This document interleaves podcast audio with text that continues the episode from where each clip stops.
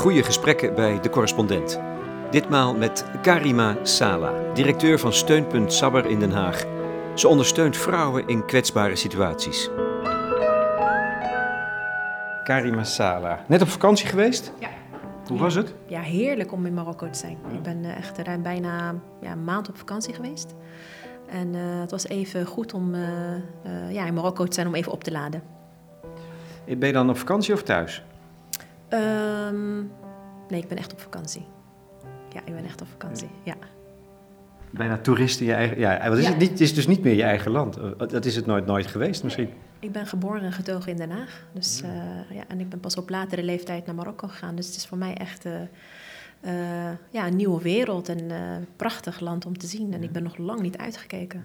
Ja, we beginnen altijd met een korte familiebezoek. En eh, ja, dat gebeurt ook eh, eh, in mooie gebieden. We bezoeken hele mooie gebieden. RIF, waar echt back to basics. eh, waar je echt eh, eh, eh, ja, zelf alles moet doen. En eh, ja, heel eh, basic. En, ehm, ja, wat betekent dat? Betekent dat zelf alles moet doen? Ehm, nou ja, wa- water halen, koken. Het is echt heel primitief. En het is echt heel fantastisch als je daar Ja. zit met je kinderen die eh, de luxe gewend zijn. En eh, daar zitten we dan een weekje. En dan eh, zie je de hele familie bij elkaar. En eh, dat is echt heel fijn. eh, het- ja, een soort van thuiskomen. En genieten van de natuur. Eh, echt eh, je, je smoothies eh, maken met de fruit uit de tuin.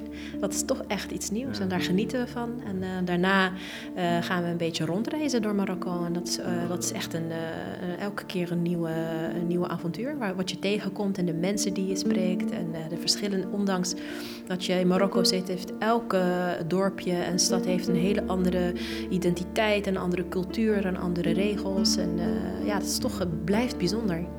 Ja. Een fantastisch vakantieland dus. Ja. En je noemt het thuis. Je komt thuis, zeg je toch? Ja, als je, eh, ja, zeker als je bij familie bent, is het toch echt thuiskomen. Dan, eh, ja, dat is toch wel heel erg eh, vertrouwd en eh, veilig. We zitten in de keuken van Steunpunt Sapper, aan de keukentafel, waar de goede gesprekken plaatsvinden. Midden in de Schilderswijk in Den Haag. Het is toevallig op 50 passen afstand van de plek waar ik jarenlang woonde, boven een Turks koffiehuis. Alles is veranderd, gesaneerd, vernieuwd. Ik had het er toen prima naar mijn zin, maar inmiddels heeft de wijk de reputatie opgebouwd een broedplaats te zijn van radicaliserende jongeren die het liefst allemaal naar Syrië zouden willen vertrekken. Wat niet veranderd is, de wind. Zo'n lekkere Haagse, licht melancholieke zuidwestenwind, waardoor je overal in de stad het zilt van de zee ruikt. Vakantie. Karima is dus net terug van vakantie en gaat weer aan het werk. Ik heb begrepen dat ze een harde werkster is.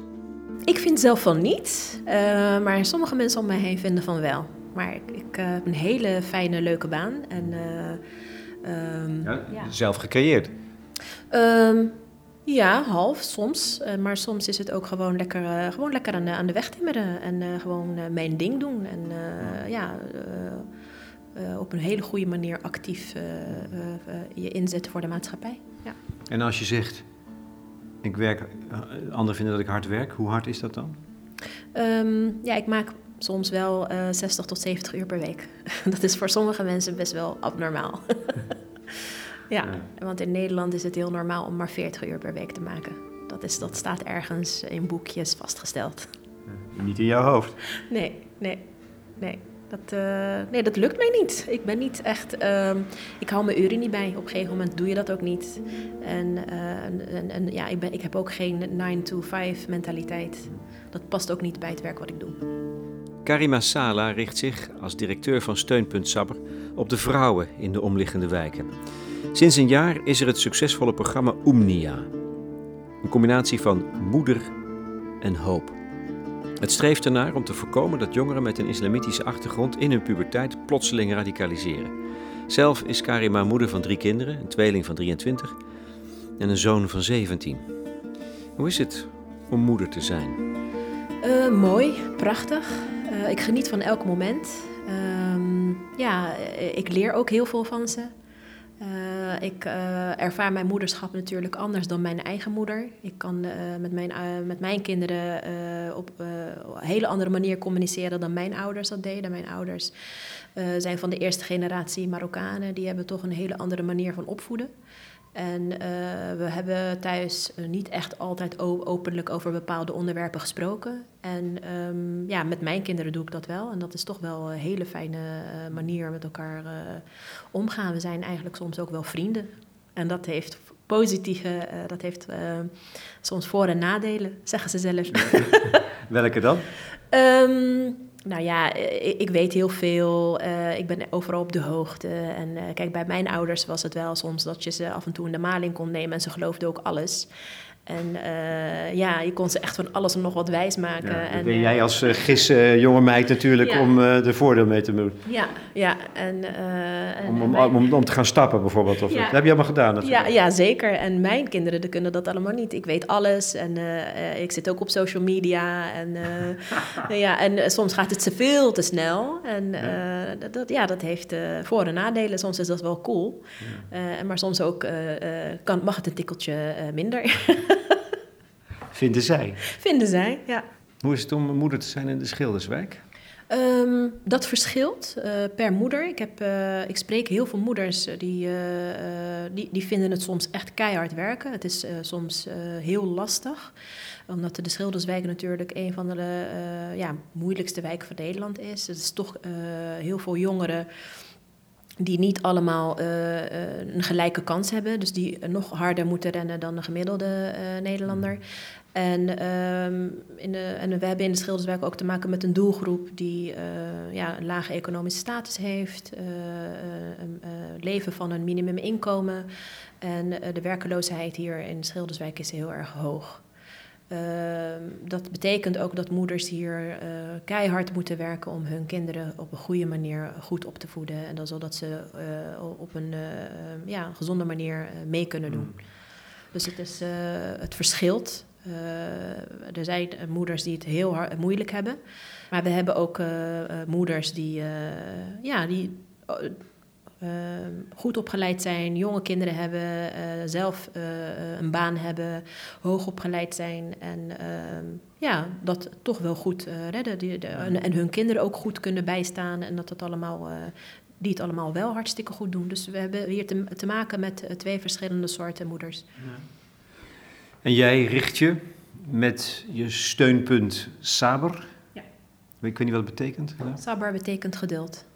En ik richt mij op moeders die uh, een steuntje nodig hebben in hun rug en die uh, ondersteuning nodig hebben bij de opvoeding, maar ook bij allerlei sociaal-maatschappelijke problemen waar ze tegenaan lopen. We hebben een sociaal loket waarin ze vijf dagen in de week bij ons terecht kunnen als zij vragen hebben of een, uh, een, een, een, probleem hebben waar, zij, waar wij ze kunnen helpen. Daar staan wij voor. Je zegt het al, dus sommige moeders doen het goed, uh, sommige moeders hebben het heel moeilijk. Jij hebt het volgens mij voortreffelijk gedaan. Je straalt ook op een bepaalde manier. Hoe, hoe komt dat? Waarom, waarom ben jij nou de dans ontsprongen? Waar ligt dat aan? Aan jouzelf, aan de voorwaarden? Aan... Um... Ben jij zo slim? Wat je namelijk volgens mij bent. Um, ja, ik, ik, ik, denk dat het een kwestie van geluk is. Maar ook uh, vanuit mijn eigen opvoeding. Uh, onze ouders hebben ons uh, vanaf uh, jongs af aan gestimuleerd. Ik kom uit een heel groot gezin. Mijn ouders zijn hier... Hoe groot? met z'n achten. Mijn ouders zijn eind jaren zestig naar Nederland gekomen. En van hun hebben wij gewoon meegekregen dat je keihard moet werken om, om, om je plekje te verdienen. want voor niets gaat de zon op. En we hebben het ook geleerd binnen het grote gezin dat je geduld moet hebben en dat je op je, op je op je beurt moet wachten, maar dat je ook gewoon keihard moet uh, studeren en uh, moet werken om te overleven. Je krijgt het niet cadeau. En um, ja, dat, op die manier, uh, zo sta ik in het leven. Ik ben ook de oudste van het gezin. Ja. En um, ja, ik heb ook gezien hoe hard mijn ouders hebben gewerkt.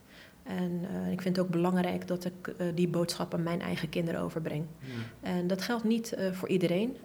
het is ook een kwestie van geluk en omstandigheden. Uh, niet iedereen uh, heeft die mogelijkheden. En, en, wij proberen ze te helpen om die mogelijkheden te creëren en uh, de weg vrij te maken als het nodig is. Maar jij snapte het meteen, dus, dat het nodig was om hard te werken. Je aanvaarde dat. Nou, ik denk dat je dat van huis uit meekrijgt. Als je een groot gezin, uh, um, je komt uit een groot gezin waar je echt moet overleven met een groot gezin. En mijn vader was kostwinner.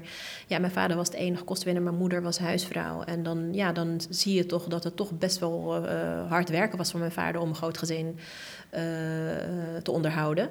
En uh, ja, en we hebben het hier goed. Mijn ouders kwamen uit Marokko. Die, die kansen die zij hier hebben gekregen, hebben ze in Marokko helaas niet gekregen.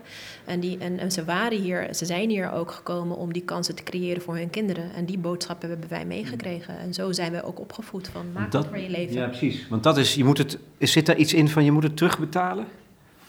Draag je die verantwoordelijkheid voor de, voor de moeite die ze hebben gedaan? Um, ja, ja mijn ouders hebben uh, keihard gewerkt. En, uh, ze hebben Wat deed je vader? Mijn vader was uh, bedrijfsleider bij een schoonmaakbedrijf. Hm. En hij heeft ons altijd meegegeven van... we hebben hier mooie kansen, die hebben we in Marokko niet gehad. En die zijn er ook niet. En heel veel mensen, we hebben de, het geluk gehad dat we hier eh, konden komen en onszelf konden vestigen. Wij, al mijn broertjes en zusjes en ik zijn allemaal hier geboren en getogen. We hebben mooie kansen gekregen en die moeten we goed benutten. Ja, maar voor jou als toen jij opgroeide, moet het toch ook niet altijd vanzelfsprekend zijn geweest, die boodschap? Als je puber bent, dan wil je toch ook jij tegen dat soort dingen verzetten soms? Of was daar, is daar dan in jouw geval hè, exemplarisch voor veel meer, uh, denk ik meiden vooral, geen ruimte voor geweest. Nee, ik heb daar niet, ik heb daar niet echt veel van meegekregen. Ik heb sowieso weinig gepubert. Ik kom uit een groot gezin. En, uh, dan ja, kan dat helemaal niet. Nee, dan kan dat ook niet. En uh, ik hielp mijn moeder ook. En we kwamen uit een groot gezin. We zaten op school, veel buiten gespeeld. Uh, ja, de Nederland van toen was toch anders dan de Nederland van nu. Ik ben in een heel ander... ik ben in een heel andere... Um, ja, dynamiek opgegroeid. Nederland is echt in de loop der jaren veranderd. Ik ben opgegroeid in de jaren 80, 90. Dat was, ja, dat was een, ik heb een hele fijne jeugd gehad. Ja. Grappig. Dat zul je niet veel jongens en meisjes met een vergelijkbare achtergrond nu nog horen zeggen, denk ik. Ja, klopt. Het politiek klimaat was anders. Uh, ja, uh, de deur bleef altijd open. We, we hadden zo'n zo'n touwtje door de brievenbus die ja, kon open. ja. En uh, dat was, ja, de, de, hele straat was één vriendenkring. En we gingen allemaal hapjes met elkaar delen. En, mijn ouders waren niet de Marokkanen van de straat, maar gewoon iedereen was gelijkwaardig. En uh, tegenwoordig niet. Met uh, de, de, politieke spanningen, ja, ja. Uh, wij, zij denken, enorme toename van discriminatie. ja, de, behoorlijk veranderingen in het politiek klimaat. de komst van sociale media, de snelheid waarin we leven, de individualisme, iedereen die toch een beetje teruggetrokken leven leidt, is toch allemaal heel erg veranderd. Ik ken mensen die hun eigen buren niet kennen. Nou, dat was in toenertijd, ja, dat kon niet. Maar wat is er dan misgegaan? Dat is, toch, dat is eigenlijk gruwelijk, toch, om dat te constateren. Zo'n ingrijpende verandering in de samenleving. Heb je enig idee hoe dat komt? En mijn tweede vraag is, hoe ervaar je het? Hoe kijk je er, hoe kijk je er tegenaan? Ja, ik kan het niet zelf helemaal duiden waar dat aan heeft gelegen. Um, maar uh, de samenleving is gewoon veranderd. En uh, ja, in sommige gevallen is het voor uh, heel veel mensen te snel gegaan. En uh, we zijn daar niet op, echt op voorbereid. En het klimaat is gewoon heel erg verhard. Uh, het respect is er niet meer voor elkaar. En de waardering als mens voor elkaar is er niet meer. dat komt toch niet. Dat, hoe kan dat nou zomaar gebeuren? Ja. Dat weet je ook niet. Nee, dat weet ik niet. Dat, ik, ik vraag het omdat ik zo meteen met jou wil praten over hoe je met jonge mensen van een Marokkaanse of een, een, een moslimachtergrond omgaat die nu puberen en in die samenleving leven. dan, dan, dan moeten er misschien wel verklaringen voor zijn van waarom dat nu, zo, nu zo is, terwijl jij een andere ervaring hebt. Ja. ja, dat is een hele lastige vraag. Dat is echt een hele lastige vraag. Ik, ja, wij hebben het allemaal meegemaakt, maar hoe dat allemaal komt, uh, ja, dat heeft verschillende redenen. Het, het, uh, ja, je hebt, je hebt ook het antwoord niet. Ik heb het antwoord niet. We hebben erbij gezeten, we hebben daarna gekeken en we hebben het moeten ondergaan. Ja, absoluut. Ja. En hoe ervaar jij het? Um, ja, het, het, het, um, ik maak me soms wel zorgen. Van hoe, waar gaat dat heen? Waar uit het zich? Uh, waar, over, waar, gaat, waar, gaat het, waar gaat het heen? Gaat dit heen over tien jaar? Ja, dat, dat weet niemand, dat weet ik niet. Ik hoop dat het overgaat. Ik hoop dat de kracht van verbinding en eh, dat we toch uh, moeten blijven investeren in, in, verbinding en met elkaar in gesprek blijven gaan. En met alle partijen die uh, het wel, daar wel verandering in, in willen brengen.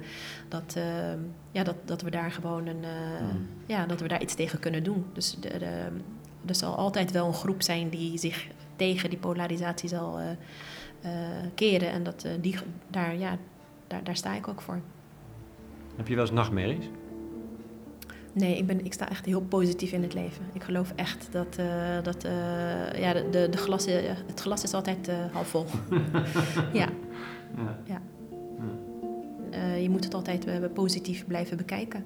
En gewoon, uh, ja, uh, investeren in, in, in, in, de goedheid van de mensen en, en, maar, en blijven uh, positieve geluiden blijven ondersteunen en, en, dat ook, en daar ook meedoen. Je kan zelf het verschil maken, moet je moet beginnen bij jezelf.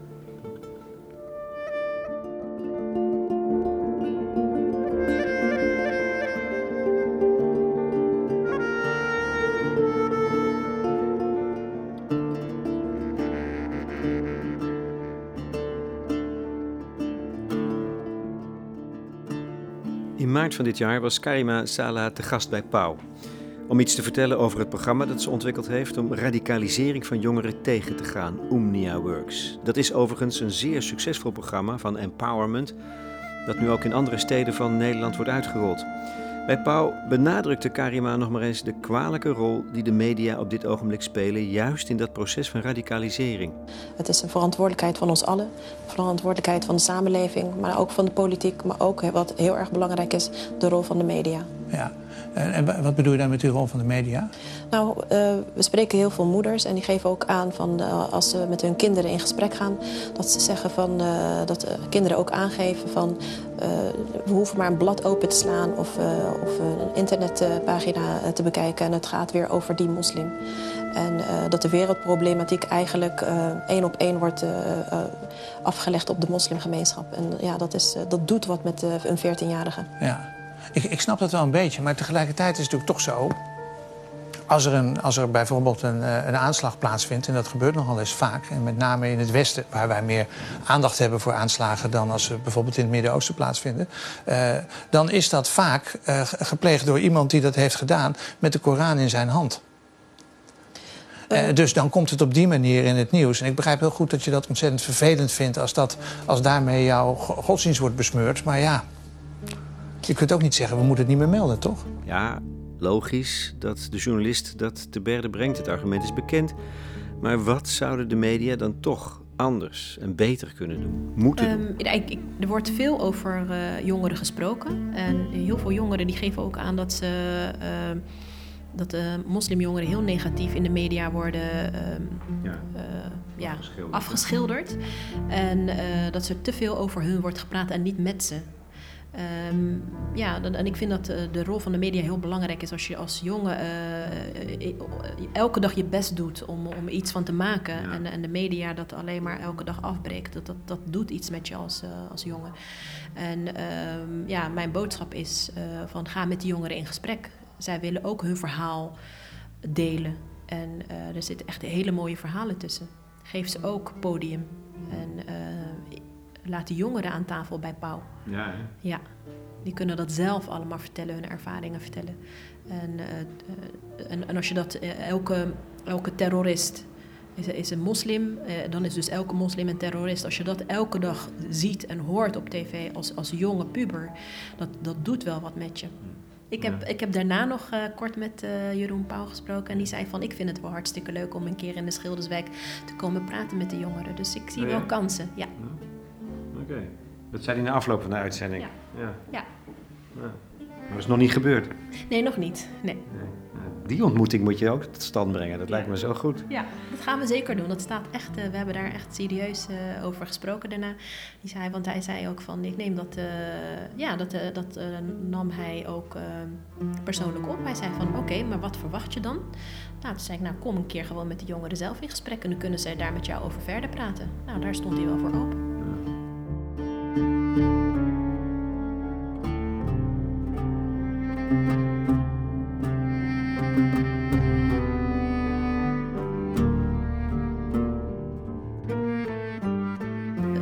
Ouders, heel veel moeders die wij spreken, die zijn heel erg verbaasd als zij horen hoe moeilijk hun kinderen het hebben. Oh ja?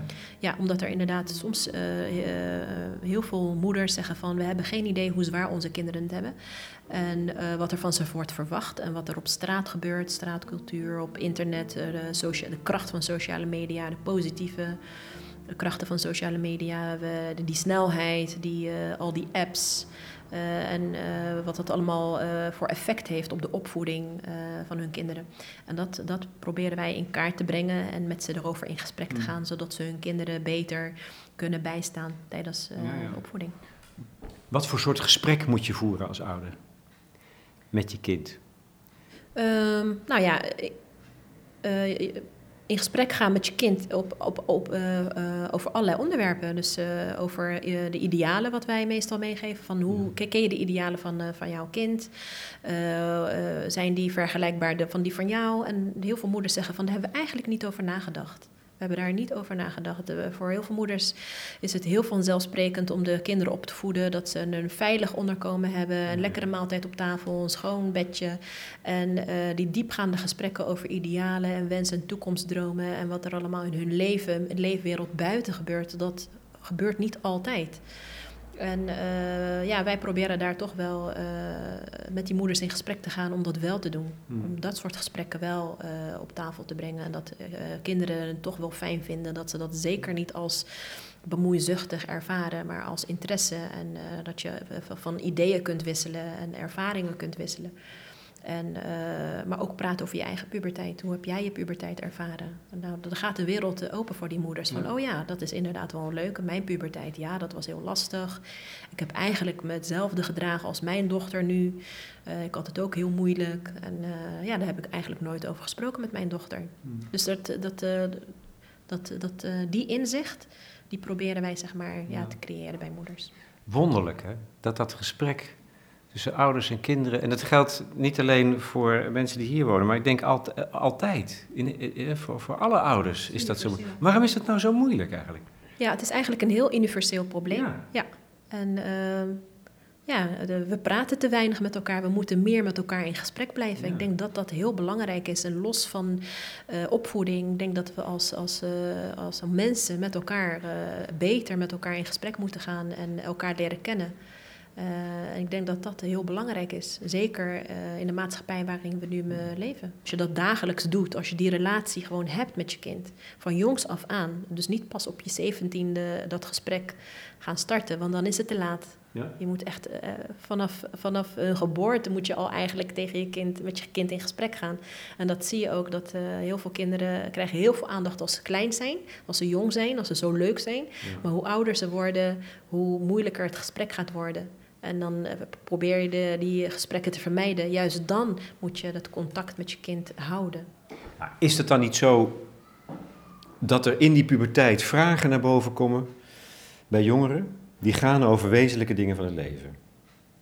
De zin van het leven, eh, geweld, seksualiteit, van alles, liefde, eenzaamheid, onrechtvaardigheid, de grote thema's. En dat het gesprek zo moeilijk is, dat denk ik eigenlijk. Omdat wij er zelf als ouders ook niet uit zijn.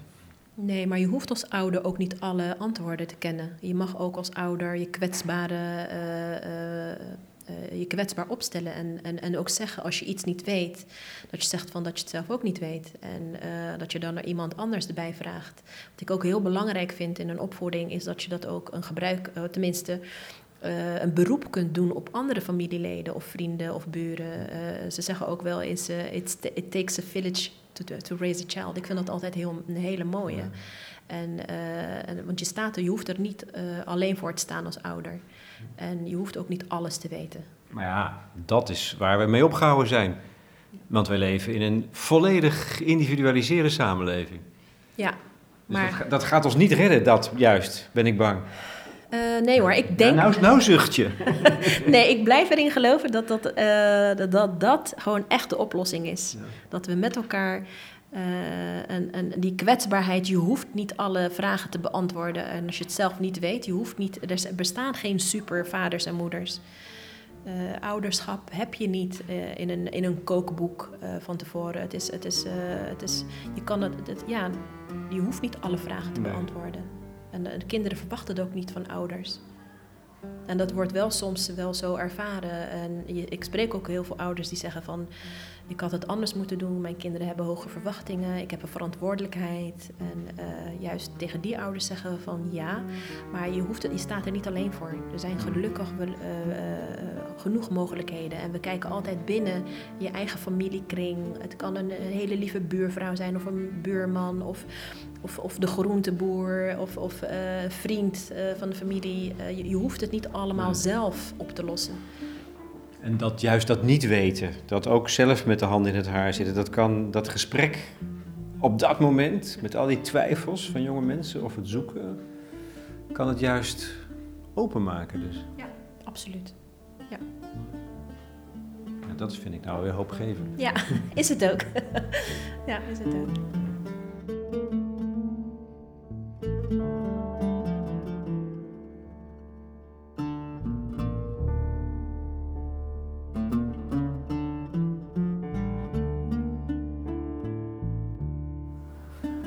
Jij het leven rechtvaardig? Um, ja, ik, ik, ik, uh, ik ben een moslima. Ik ben dankbaar voor alles wat, uh, wat ik heb. En, uh, en dankbaar voor alles wat ik niet heb. Dus, ja. Hoe, hoe, doe je dat? Dankbaar voor alles wat je niet hebt? ja, gewoon precies zoals ik het zeg. Het, het, het, is, het is rechtvaardig. Wat, alles wat, er, wat ik heb, en wat er is en wat er bestaat, dat accepteer ik. Dat is een vorm van acceptatie. Wat is rechtvaardig? Ja. Um, is dat ook de boodschap aan jonge mensen? Die ja, met hun vragen zitten in een, in een, vind ik vaak, onrechtvaardige samenleving opgroeien. Want ze krijgen minder kansen. Dat is toch helemaal niet rechtvaardig? Um, oh, dat, dat is weer wat anders. Uh, daarin uh, uh, vind ik dat je inderdaad vanuit je eigen verantwoordelijkheid toch je steentje moet bijdragen. Je kan niet thuis afwachten en zeggen van het leven is onrechtvaardig, wat verschrikkelijk allemaal, hmm. ik, het houdt hier op. Uh, ik geloof juist uh, in, in uh, ja, acceptatie is, is, is ook dat je zelf aan de bak moet gaan en er zelf iets van moet maken en niet afwachten. want rechtvaardigheid creëer je ook zelf. Dus je moet het accepteren en handelen. En dat snap niet, ik niet. niet je, je niet er zelf, zelf bij neerleggen. Ik bedoel, we leven inderdaad in een moeilijke, in een moeilijke periode. En ik hoop dat dat tijdelijk is. Ik hoop dat dat overgaat. En, uh, ja, en ik denk dat het belangrijk is uh, om, om zelf te investeren en zelf je bijdrage te leveren aan een betere samenleving. Maar hoe rijm je dat met dat je alles accepteert? Vanuit je geloof accepteer je alles. Alles is goed, zeg je eigenlijk. Zowel het goede als het niet goede. Dat is een gegeven, dat moet je accepteren. Dus hoe rijm je die twee dingen met elkaar? Uh, ja, maar daar staat ook een komma tussen. dat, okay. dat je daarna uh, toch je eigen steentje moet bijdragen om het wel acceptabel te maken en rechtvaardig te maken. Ik zie het als een beproeving. Ja, ik kan het zien als een beproeving van laten we gewoon ook, uh, uh, ja, juist in, in die slechte periode kan je, leer je ook van hoe je moet overleven en hoe je de wereld beter kan maken. En het hoeft niet allemaal, waar, waar, het niet, waar het niet schuurt, gaat het niet glanzen, zeggen wij altijd. En dat is ook wat je met zo moet je er ook over praten met jonge mensen. Ja, dat ze gewoon zelf uh, aan de bak moeten. En uh, als zij verandering willen, moeten zij uh, zelf aan de bak en zelf het verschil maken. En niet aan de zijlijn blijven jammeren. Ja. Maar blijven knokken en investeren in zichzelf. Niet stilzitten. Investeren in hun kennis en investeren in relaties, netwerken, op pad gaan en goede mensen ontmoeten. En nadenken, een plannetje maken. Hebben ze daar oren naar? Die, die kids die hier om ons heen zijn? Ja, zeker. We hebben hier echt, ja, we hebben echt uh, heel veel jongeren die uh, um, heel ambitieus zijn, hele mooie dromen hebben, grote dromen hebben. Ja, absoluut. En gaan ze die verwezenlijken? Ja, jij bent hoopvol, hè? Ja. ik ben een moslima, ik zeg inshallah, ik hoop het. Ja, ja. ik heb er alle vertrouwen in.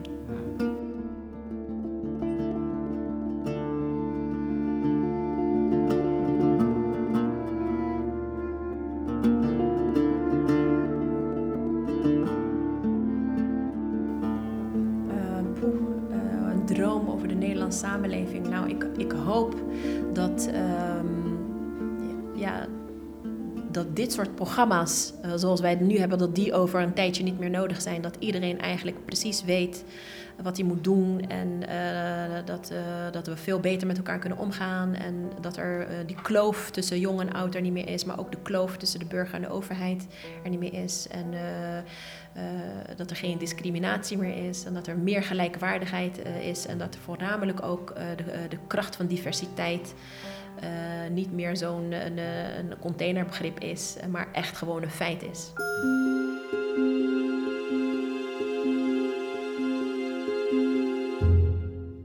Karima Sala, directeur van Steunpunt Sabber in Den Haag, in gesprek met Lex Bolmeijer over Omnia Works en opvoeden voor de correspondent.